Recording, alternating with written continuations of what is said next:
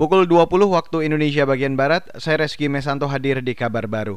Saudara Polri meminta pimpinan Front Pembela Islam Rizik Sihab kooperatif menghadapi panggilan kedua pemeriksaan.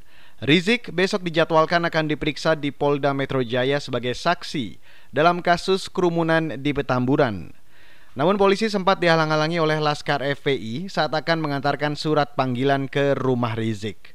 Juru bicara Mabes Polri, Awi Setiono meminta pihak Rizik untuk taat terhadap hukum. Ia mengatakan ada sanksi bagi pihak yang menghalang-halangi penyidikan.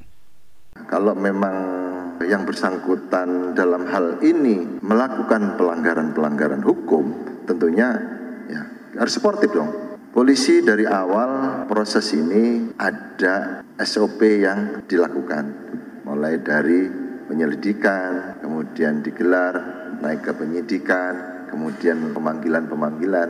Ya kalau kita sudah sepakat kita negara hukum ya kita silakan taat hukum.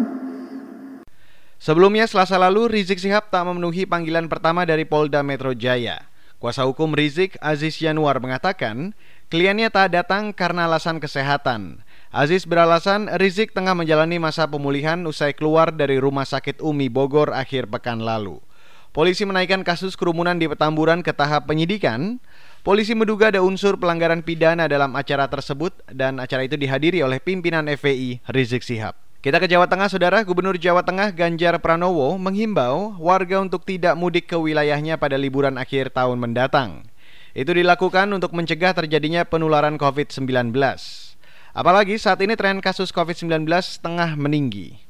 Ya semua mesti harus disiplin mulai dari masing-masing keluarga dan sekarang kita buat peringatan. Kalau dulu kan kita cegah dengan mengerahkan seluruh tenaga yang ada di lapangan. Sekarang kita dorong agar masing-masing di antara kita yang menjaga diri. Meskipun tentu saja kekuatan dari personel yang dimiliki oleh Jawa Tengah, kepolisian, TNI semua akan turun. Kita akan menyiapkan seperti layaknya kita menyambut mudik kemarin. Ya tapi mudah-mudahan masyarakat paham lah ya. Kalau memang tidak penting ya jangan pulang gitu. Gubernur Jawa Tengah Ganjar Pranowo mengatakan tak bisa membuat kebijakan untuk melarang warga mudik ke Jateng. Ia ingin warga sadar bahwa saat ini potensi penularan COVID-19 masih tinggi. Dan sebagai langkah antisipasi, Ganjar akan menggencarkan pelaksanaan tes COVID-19 acak di tempat-tempat tertentu, seperti terminal, stasiun, hingga lokasi wisata.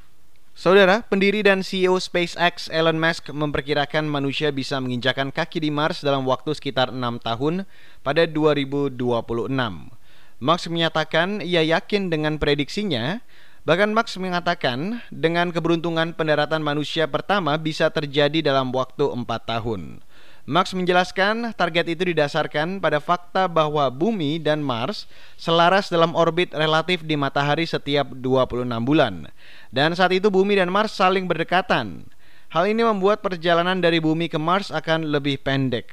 Posisi ini hanya terjadi setiap 26 bulan sekali. SpaceX berencana untuk melakukan peluncuran dan pendaratan tanpa awak di Mars pada kesempatan berikutnya dalam waktu sekitar 2 tahun ke depan.